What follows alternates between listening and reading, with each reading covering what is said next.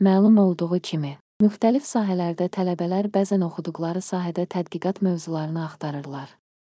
Fikirlə bağlantı qurmaqdır. Ən müxtəlif sahələrdə tədqiqat mövzuları üçün fikir təklif edən insanlar və yalnız akademiklər deyil və bu mövzuları tədqiqat üçün istifadə edə biləcək tələbələr arasındakı sayt.